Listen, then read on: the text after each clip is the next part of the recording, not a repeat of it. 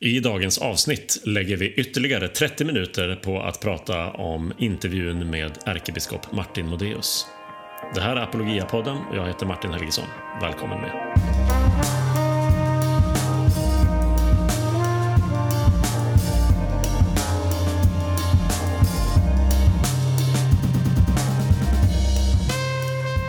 Ja, välkomna tillbaka till Apologia-podden och till detta specialavsnitt. Eh, ytterligare 30 minuter. Eh, SVT de har sina 30 minuter då Anders Holmberg intervjuar Sveriges makthavare. Vi i Apologia har våra ytterligare 30 minuter där jag och Martin Helgesson intervjuar Apologias makthavare, nämligen direktorn Stefan Gustafsson. Vad kul att du är här, Stefan. Ja, men alltid roligt att dyka upp i Apologia-podden. Eh, du, det har varit mycket eh, reaktioner eh, och, och, samtal i sociala medier i teologiska, de teologiska regionerna av de sociala medierna just efter SVT, SVTs 30 minuter långa intervju med ärkebiskopen. Han gjorde ju succé, får man nog säga, och det har ju kommit väldigt mycket positiva kommentarer från, från olika håll. Det har det verkligen. Vi har, eh, vi har samplat några av dem. Så, så, från så oväntat håll som Anders Lindberg på Aftonbladet så kom det korta referatet Ärkebiskopen SVT 1.0. Um, Björn Wiman på Dagens Nyheter och det är kanske mindre förvånande med tanke på att han har, eh, har skrivit mycket senaste året om sin egen resa uh, mot kristen tro. Uh, kommenterade att ju fler gånger jag ser detta desto gladare blir jag. Så här är en riktigt inbiten eh, inte bara tittare utan omtittare av detta program. Och eh, även Joel Halldorf uttalat sig positivt kring det och så. Um, om vi, vi kan konstatera att av det 30 minuter långa programmet så lades ganska mycket tid på eh, politiska frågor och Svenska kyrkans relation till politiska ställningstaganden och sånt där. Vi, vi lämnar det åt sidan eftersom vi eh, ja, det är inte riktigt våra frågor, utan vi tänkte ju ta i de här riktigt eh, göttiga teologiska frågorna. Och det är jätteroligt att, att Anders ställer så stora eh, centrala teologiska frågor till ärkebiskopen på bästa sändningstid i SVT, eller hur? Ja, det är ju eh, det är väldigt välkommet att det inte är liksom eh, kulturkrigsfrågor utan eh, sånt som rör Eh, Eh, den kristna trons eh, grundstruktur bärande, bärande påstående om Gud och skapelsen och eh, om Jesus och uppståndelsen. Så det är ju väldigt befriande att det är sådana frågor som, som diskuteras. Och här, det här är ju mer än politiken vår, vår hemmaplan i apologia, sådana frågor som vi väldigt gärna vill jobba med. Så därför är det roligt att få, få samtala om Eh, ärkebiskopens perspektiv när han får de här frågorna. Ja, precis. Och jag har listat då fem stycken eh, sådana stora teologiska frågor som kom upp i programmet och vi tänkte ta dem i den ordning de kom. Men eh, Stefan, om vi skulle börja med generellt, vad, vad var helhetsintrycket för dig? Eh, kom du från eh, tittandet glad eller nedslagen eller eh, inspirerad, stimulerad? Vad tyckte du? En, eh, en mix, om man, om man ska börja med det, det riktigt positiva, så gav ärkebiskopen ett, ett väldigt tryggt och självklart intryck. Han eh, skämdes inte för den kristna tron. Han eh, var, eh, var på det eh, var liksom rak och tydlig med vad han tror på och svarade, eh, svarade eh, liksom ett rakt ja på, på frågor. Och eh, man får ju känslan av att jämfört med tidigare ärkebiskopar som mycket mer har böjt sig för eller väjt liksom i relation till ett sekulärt perspektiv så stod eh, Martin Modéus mycket, mycket tryggare i ett, ett tydligt eh, kristet perspektiv och lät sig inte bekommas av att Anders Holmberg eh, ju var eh, oerhört stelt sekulär så att säga. Eh, ganska fyrkantigt sekulär. Eh, och det var ju befriande att se den självklarheten eh, hos, mm. eh, hos ärkebiskopen. Det finns ju en, en, en värme och en äkthet som, som ju går igenom. Ja, men det var, det var mitt helhetsintryck också. Det var, det var positivt på många sätt. Just att han vågade vara så självklar. Och det var på vissa av frågorna, om man då tänker de mer politiska frågorna, kanske man kände att det fick vara lite politikersvar ibland. Men när det kom till eh, de raka puckarna om tror du på Jesu uppståndelsen så var det också raka svar. Ja, det gör jag. Med ett, ett varmt leende och jag tyckte det var härligt att se. Och eh, jag uppskattade också eh, de förvisso väldigt korta ansatserna då, men ändå några små ansatser till så att säga eh, kritik av sekulära eller naturalistiska paradigmet. Sådär, när han, han fick till några sådana bra eh, formuleringar om att tro är inte dåligt vetande. Och han lyfte fram att, att också tron på Guds icke-existens är just en tro och sådär. Jag tänker givet tv-formatet och att han har dels kort tid och att det är väldigt liksom tight i hur det produceras. Så, så får man tänka att eh, alla, alla bra saker som, som förmedlas där är, är någonting man får uppskatta och, mm och ta som positivt. Och i, återigen då det faktum att det faktiskt kommer upp eh, till att börja med. Att SVT tar upp det är också något väldigt positivt. Men eh, men att vi då producerar eh, eller spelar in ett avsnitt där vi säger 30 minuter till, det kan ju vara ett sätt att säga både att det här är ju såklart frågor som förtjänar eh, mycket mer tid eh, var för sig mer än 30 minuter, så även vår lilla extra produktion, vårt lilla eftersnack här blir väldigt kortfattat. Men att vi också tyckte att oh, det hade varit gött om, om eh, eh, Martin Modéus hade vågat eh, liksom gå lite längre, trycka till lite mer och, och, och ja, bidra med ytterligare, vad ska vi säga, inte bara den raka, självklara, varma tron som, som är helt rätt, utan också eh, hjälpa programledaren och tittaren att närma sig det tänkesättet genom att eh, utmana lite grann mer kanske eh, ja, man kan ju, men, man kan ju säga att det, det som ärkebiskopen sa eh, var, ju, eh, var ju rätt och bra. Men samtidigt var det också på ett antal punkter eh, halvt, kan man säga. Alltså, om man tar grund, det grundläggande perspektivet på kristen tro så betonade han ju tillitsperspektivet, förtröstan, alltså den personliga tillägnelsen av vad kristen tro påstår. Men det fanns ju väldigt lite resonemang kring försanthållande. Alltså, eh, och, och de här två sidorna eh, är ju, eh, hör ju nödvändigt ihop i den kristna tron. Att man håller någonting för sant eh, och sen att man förtröstar på det, Eh, på det som man menar är sant. Och den här första biten med försanthållande, eh, det är ju en, en, ett område där man då kan, kan ställa frågor. Varför? Vad håller man för sant och varför håller man det för sant? Och det var ju på den, det området som, eh, som det saknades ganska eh, ganska mycket. Och i längden om man bara har liksom tilliten, Gud, eh, Gud är en relation, Gud är den jag litar på, men man inte kan svara på varför tror jag Gud finns? Vad är argumenten för det? Och hur, hur fungerar de argumenten i relation till många relevanta invändningar mot Guds existens? Vi kommer ju till det med, med det onda till exempel. Precis. Precis, nej, och i apologia så jobbar vi ju då väldigt mycket med församthållande sidan eh, och det är ju så viktigt att lyfta fram att de här ska aldrig spelas ut mot varandra. Eh, kristen tro är inte komplett med endera eh, utan den andra. Eh, och, och, det blir ju ganska tydligt också, tänker jag, han, i, i diskussionen av just tro som tillit så var det som att han, utan att säga Anders namn, men han liksom på något sätt illustrerade genom att titta på programledaren Anders och säga jag litar på dig och liksom som exemplifiera. Men det blir också väldigt absurt att tänka att ifall Anders inte är där Eh, eller, eller det skulle vara oklart vad, vad han heter. Och, jag menar, det finns en massa inbakade antaganden och, och försanthållanden utan vilka tillitsaspekten hänger liksom i luften. Um, så då har vi ju så att säga egentligen redan gått in på den första teologiska frågan. Eh, det var en väldigt eh, eh, rapp inledning. Finns Gud? Frågade Anders Holmberg direkt eh, före vignett och presentation och allting. Och eh, responsen från Martin Modéus var då “Jag litar på det”.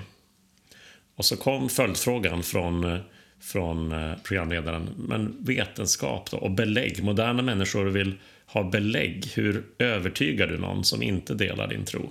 Ungefär. Vad hade du velat se mer av i svaret på den frågan, Stefan? Ja, om, jag, om jag minns rätt så var ju Modéus eh, Modeus respons där att, att för de flesta människor är det ändå självklart att, att, att Gud finns. Eh, och det, det kan man ju säga, det är en, det är en djupt liggande övertygelse hos mänskligheten, om vi talar kollektivt, att man anar, förstår, känner, tror att den här verkligheten vilar i en större och mer grundläggande verklighet eh, för sin existens. Men där hade man ju också velat ha eh, lite mer resonemang eh, och sånt som Eh, kan peka i den där riktningen.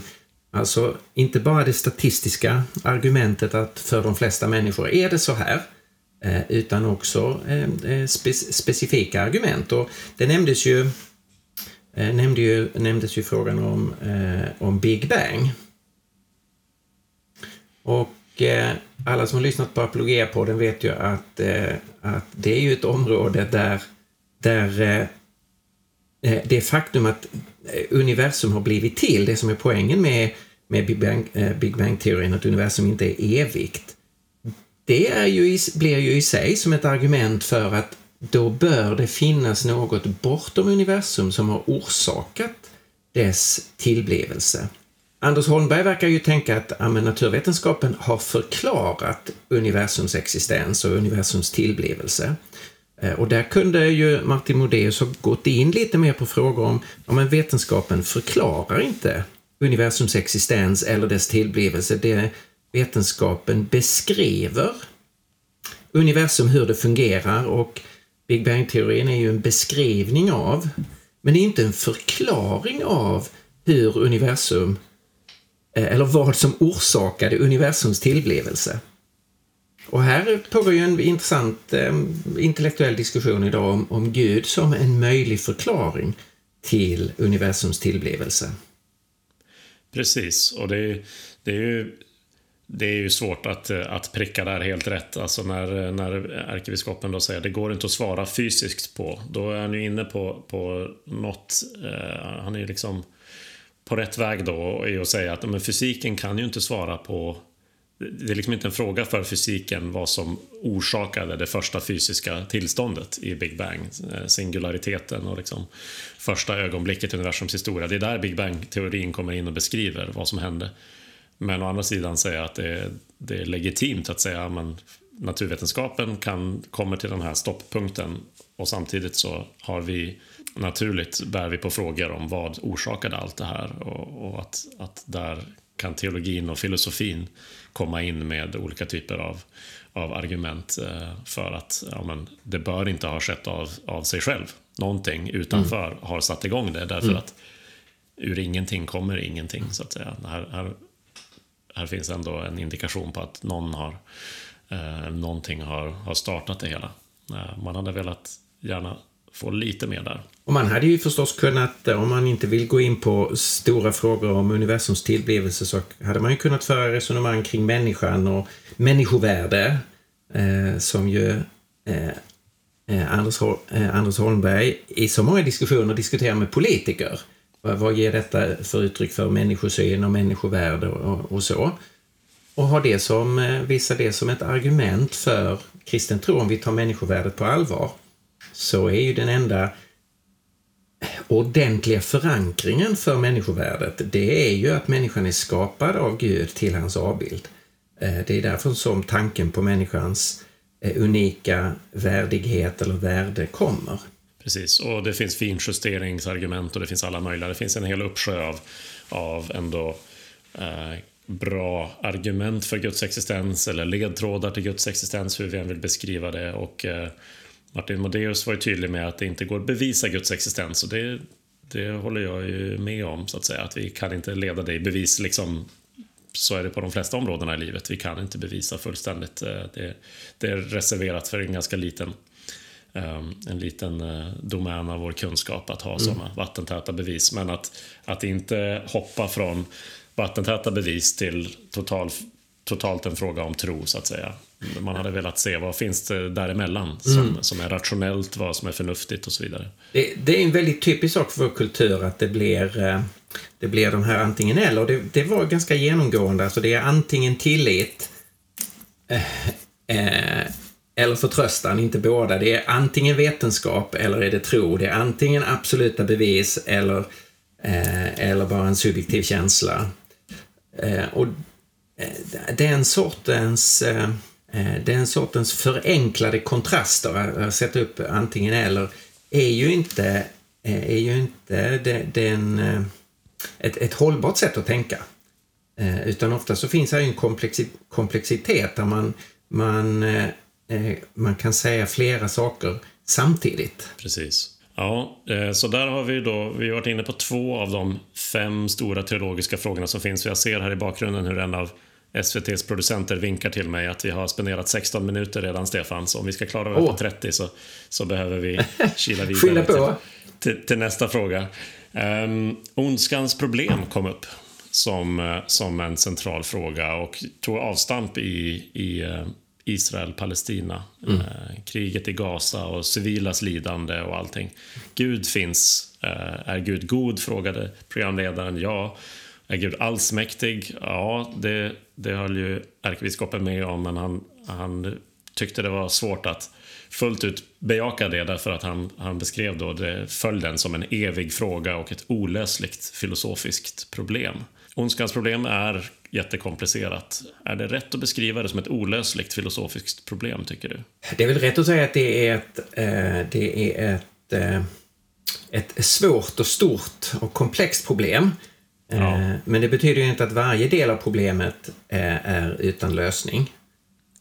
Det som Martin Mundeus riktade in sitt svar på det var ju att det är vi människor som har ställt till det i världen och Eh, när vi ber till Gud så får vi ofta som svar att det är vi som ska göra någonting.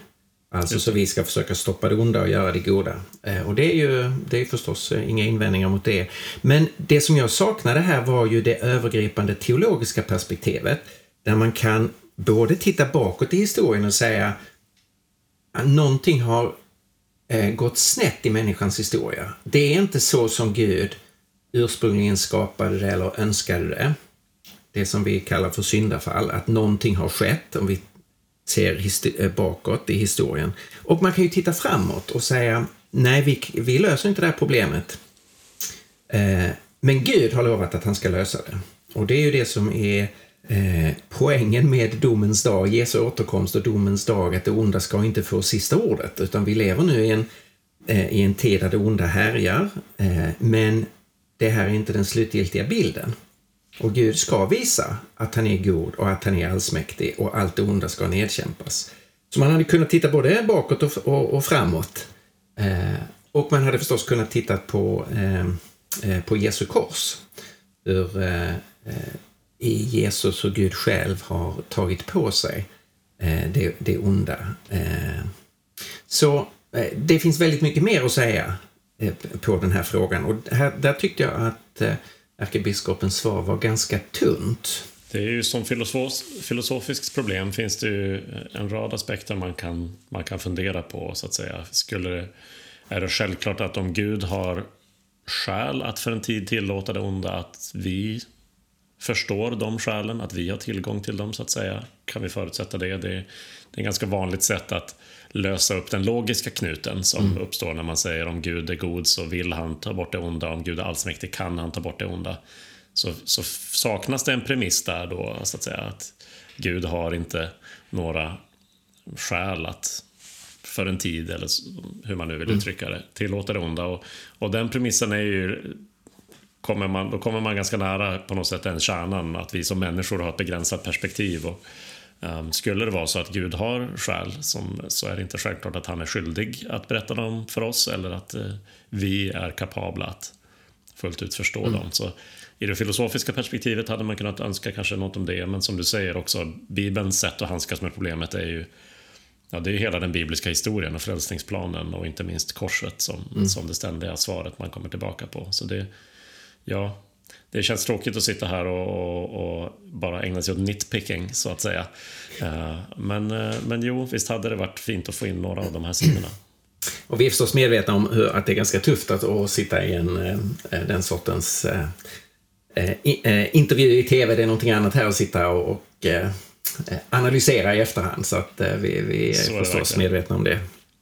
Så är det verkligen. Så är det verkligen. Det är, vi skapar ett mervärde här mm. till den intervjun eh, genom att eh, komplettera och tillföra lite viktiga aspekter som vi, som vi gärna vill ha med. Ska vi prata lite om Jesus då? Där var det två saker som kom upp framför allt. Det var, om vi börjar då med jungfrufödseln, som ärkebiskopen fick eh, fråga på, om han trodde på den.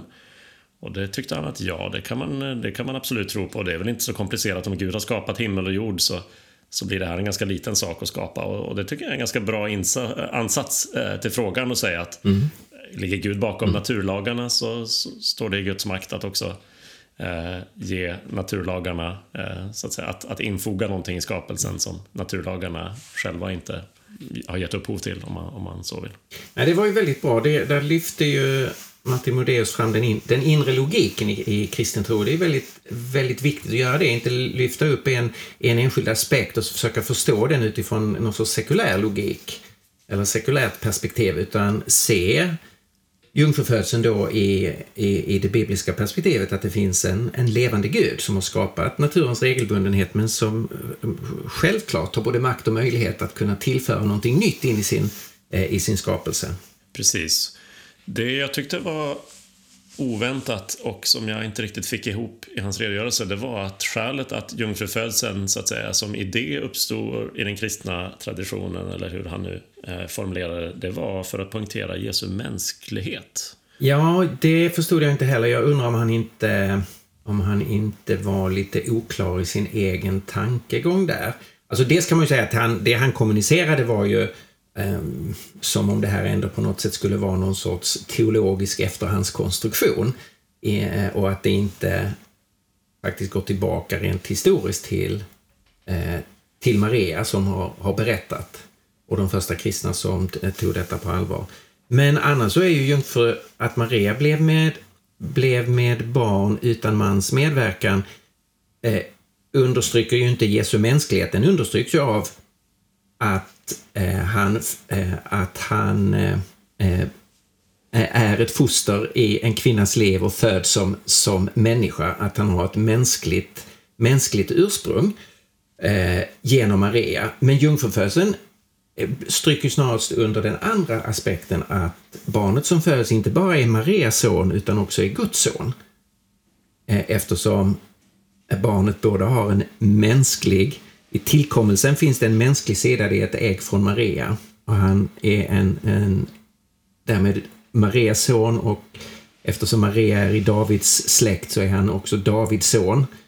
Men eftersom han har blivit till genom helig ande eh, så är han den högste son, så är han Guds son. Så det är ju snarast en markering av det unika eh, i, i, eh, i inkarnationen. Nej, precis. Där kan man ju lätt tänker jag, om man, om man föreställer sig att Maria inte skulle funnits med i bilden utan att Jesus bara dök upp eh, som en färdig vuxen eh, mänsklig gestalt hade det varit mycket lättare eh, för kristen teologi att få för sig att, eh, att eh, Jesus inte är sann människa alls utan att han bara har någon slags mänsklig yttre form. Mm. Så det, mm. det, hans barndom och hans födelse genom Maria tillför är just den den mänskliga sidan. Man kan ju, man kan ju konstatera att det eh, jungfrufödseln, eh, den finns där tydligt i två av evangelierna.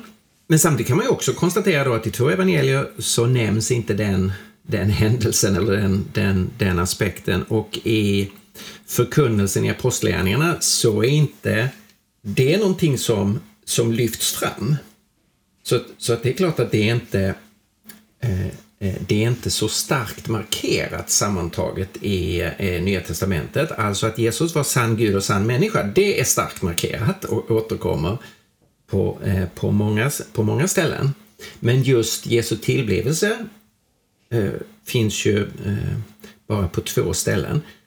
Och nu ska man inte tolka det som att därmed finns det anledning att ifrågasätta det, inte alls. Eh, men man kan bara konstatera att tyngdpunkten i Nya Testamentet läggs inte vid vid själva den eh, eh, tillblivelsen, även om den är, finns där tydligt i två av evangelierna och därmed är det omöjligt för kristna, för kristna att, eh, att eh, förneka eller komma undan så att säga. Precis. Um, till sist då, den femte frågan som är desto mer eh, hundraprocentigt avgörande. Uh, det som den kristna tron står och faller med är frågan om Jesu uppståndelse. Mm. Uh, och igen då så var det, det var på något sätt uh, ett av de, de härligare ögonblicken i intervjun och se hur han bara sken upp, Martin Medeus, när han fick frågan “Tror du på Jesu uppståndelse?” “Ja, det gör jag”, svarade han på det där självklara sättet. Och det självförtroendet måste jag säga, det tycker jag är väldigt härligt att se. Mm. Um, och så, och så trevar ju då Anders Holmberg efter, ja men hur gick det till så att säga? Han, han om man såklart gör han det i rollen som programledare snarare kanske än i rollen som andlig sökare. Men, men man tänker sig ändå att han, han trevar efter något, liksom hjälp mig och mm. förstå, hjälp mig och, och, och, förstå hur man kan tro på det här som modern människa. Uh, och där blev ju förklaringen snarast då säga, det finns ingen förklaring, jag vet inte. Uh, och även ordet mysterium. Mm. Um, vad var bra med det svaret tycker du? Vad saknas? Eh, det, det, var ju väldigt bra att det var ett klockrent ja, det tror jag på.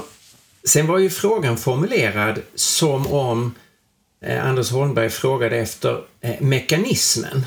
Alltså hur gick det till? Eh, och li, lite underförstått liksom en, en, naturvetenskaplig förklaring. Och det är ju självklart att det inte finns eftersom det inte är ett naturvetenskapligt eh, eh vetenskapligt fenomen. Och Martin Modéus svarar ju helt riktigt, men hur ska jag kunna veta det? Liksom hur det gick till, för det har ju kristna aldrig gjort några anspråk på att kunna redogöra för en, liksom en mekanism. Det går ju inte att redogöra för om det här är en, en transcendent verklighet som har skapat hela universum som griper in och gör någonting, tillför någonting nytt till den värld som vi förstår. Evangelierna är väldigt konsekventa där med och samstämmiga i att inte beskriva de ögonblicken utan de rapporterar ju ögonvittnenas mm. eh, helt enkelt möten med mm. Jesus och att de konstaterar att han lever och, och eh, det är också så vitt jag vet är det konsekvent formulerat så att Jesus blev uppväckt. Uh, alltså, grammatiskt är det i en passiv form, helt enkelt därför att det är ett övernaturligt mm. ingripande. Vi kan inte söka efter en mekanism i naturen genom vilken något som är dött uh, blir levande, utan det har kommit utifrån. Mm. Kraften, livet, så att säga, har kommit ifrån, ifrån Gud själv. Som något Så det, det sägs ju hela tiden att det var Gud som uppväckte. Man har, presenterar ingen mekanism, men man har ju en förklaring att det är Gud som har uppväckt Jesus från de döda. Och det, det, som, det som Martin Modés tycker jag borde ha kommit in på där, det är ju sagt vi, vi kan inte ange en förklaring, men det som de första kristna berättar, det är ju att de hittade graven tom, kroppen är borta och att de sen mötte Jesus levande och de mötte honom på ett mycket konkret sätt. Att de såg honom, de tog på honom, de talade med honom och åt med honom vid upprepade tillfällen Eh, många olika människor i många olika konstellationer under en längre tid. Eh, alltså att de fick empiriska eh, belägg, eh, bevis för att Jesus, eh, Jesus levde. Och den kristna tron bygger ju på deras vittnesmål. Att Gud har uppväckt Jesus och det kan vi vittna om, för att nu citera apostlärningarna. Och, och därför så finns det mer att säga än bara eh, hur ska jag kunna, eller det kan jag inte svara på, kring mekanismen. Men däremot så kan man svara på vad var det som gjorde att de första kristna började tro att Jesus var levande? Och det var ju att graven var tom, kroppen var borta och att de mötte honom på ett för dem fullständigt övertygande sätt. Precis, nej för det är ju det man annars lätt kan få intrycket av att det här var personer som det var, det fanns inga som helst hinder i vägen eller det var lätt för dem att tro på uppståndelsen. Som om det inte fanns något som talade emot det så att säga. Eh, som om de inte visste hur slutgiltig döden brukar vara. Eller, eh, alltså det fanns verkligen barriärer för dem att övervinna. Det, uppståndelsetron var liksom inte lättköpt och det var inte positivt tänkande och det var inte, var inte nära till hands efter korset att mm. tro på det. Utan det behövdes ju just uh, det verkliga mötet med Jesus. Jag brukar ju ofta citera eh, Apostlagärningarna kapitel 1 när Lukas säger att Jesus gav dem eh, många bevis på att han levde då han under 40 dagar visade sig för dem. Så det är ju det som är liksom basen för den, den kristna tron på uppståndelsen, att det fanns många bevis för en stor grupp människor under en längre tid.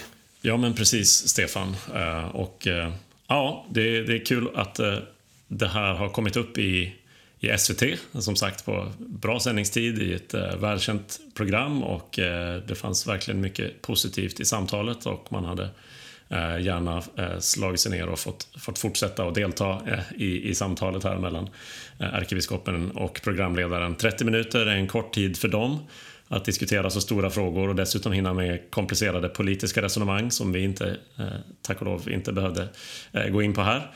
Eh, 30 minuter är en ganska kort tid för ett poddavsnitt också och eh, vi har, har nått den tiden nu med, med viss råge. Så vi, vi avslutar här och hoppas vi får många fler tillfällen att eh, kommentera eh, centrala teologiska frågor som, som stötts och blötts eh, i public service.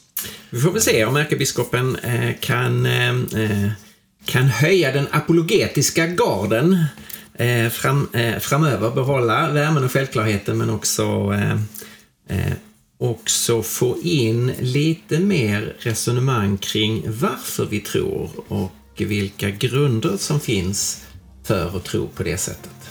Ja, gärna det. Tack för att ni har varit med och lyssnat på det här avsnittet av Apologias ytterligare 30 minuter och vi hörs nästa gång på Apologia-podden. Hej då! Hej då!